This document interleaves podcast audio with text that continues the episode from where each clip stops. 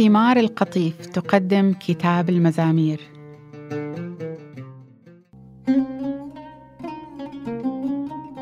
ربي اصغي إلى كلامي وأنصت إلى تنهدي. اسمع إلى نداء استغاثتي يا ملكي وإلهي فإني إليك أصلي. في بواكير الصباح تصغي إلى صوتي. يا رب وفي الصباح أتوجه إليك منتظرا إياك فإنك إله لا يسر بالشر.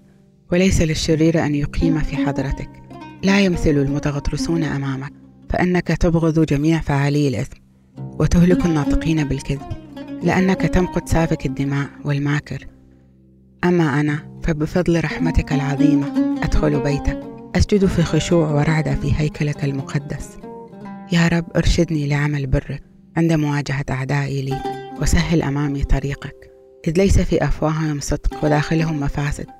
حناجرهم قبور مفتوحة وألسنتهم أدوات للمكر. أحكم عليهم اللهم ولتكن مؤامراتهم فخا لهم يسقطون فيه. طوح بهم لكثرة معاصيهم فإنهم قد تمردوا عليك. ويبتهج جميع المتكلين عليك. إلى الأبد يترنمون. لأنك تضللهم بحمايتك فيفرح بك الذين يحبون اسمك.